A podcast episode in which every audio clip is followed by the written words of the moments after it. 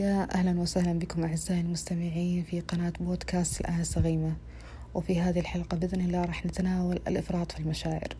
في سؤال سبق ووجهته لمتابعيني عبر عبر الإنستغرام وحتى سناب شات. هل الإفراط في إظهار المشاعر ينتهي بالندم؟ تفاوتت الإجابات بين نعم ولا.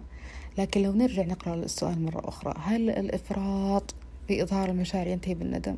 ونحط تحت كلمة إفراط مئة خط. دائما في أي شيء نفرط في استخدامه أكيد راح نندم فالاعتدال هو سيد الأمور.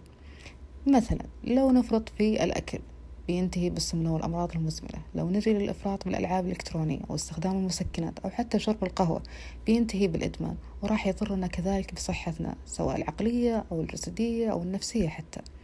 ولو نجي للإفراط حتى بالعمل راح ينتهي بأننا ما راح نعيش حياتنا بالشكل الصحيح وراح يفوتنا الكثير. لو نجي للإفراط في التسوق راح ينتهي الشهر أو السنة وما يبقى معنا شيء. وقيسوا عليها أشياء كثيرة ما يسعني ذكرها المهم راح نلاقي أنفسنا بالأخير من كثر الإفراط نقول يا الله كأننا كثرنا كأننا ما حاسبنا كأننا ما انتبهنا. الإفراط عادة سيئة تستهلك طاقتنا وعمرنا. ولتعلموا أنا لست ضد الكلمة الطيبة واللطف والعطاء وحسن المعاملة واللباقة والثناء والأدب مع الخلق. أنا ضد أن نستهلك أعمارنا لإرضاء غيرنا.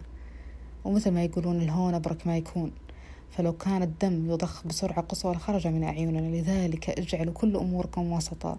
ورويدا رويدا في كل أمور حياتكم.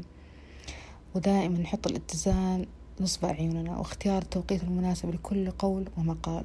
أيضا معرفة الشخص ذاته الطيب سوف يدرك بالطيب لم يسابقك عليه لكن الخبيث سيظن أنه يستحق ذلك وأكثر فيتكبر. فتبينوا مع من تتحدثون ومن تخاطبون. ولن أقول الأيام ستوضح لكم بل المواقف كفيلة أن تكشف لكم معادن الناس. فمن موقف تافه ستعرف من هذا الشخص. لذلك إياكم في الإفراط في مشاعركم وخسارتها فهناك من يستحقها. ودمتم بخير.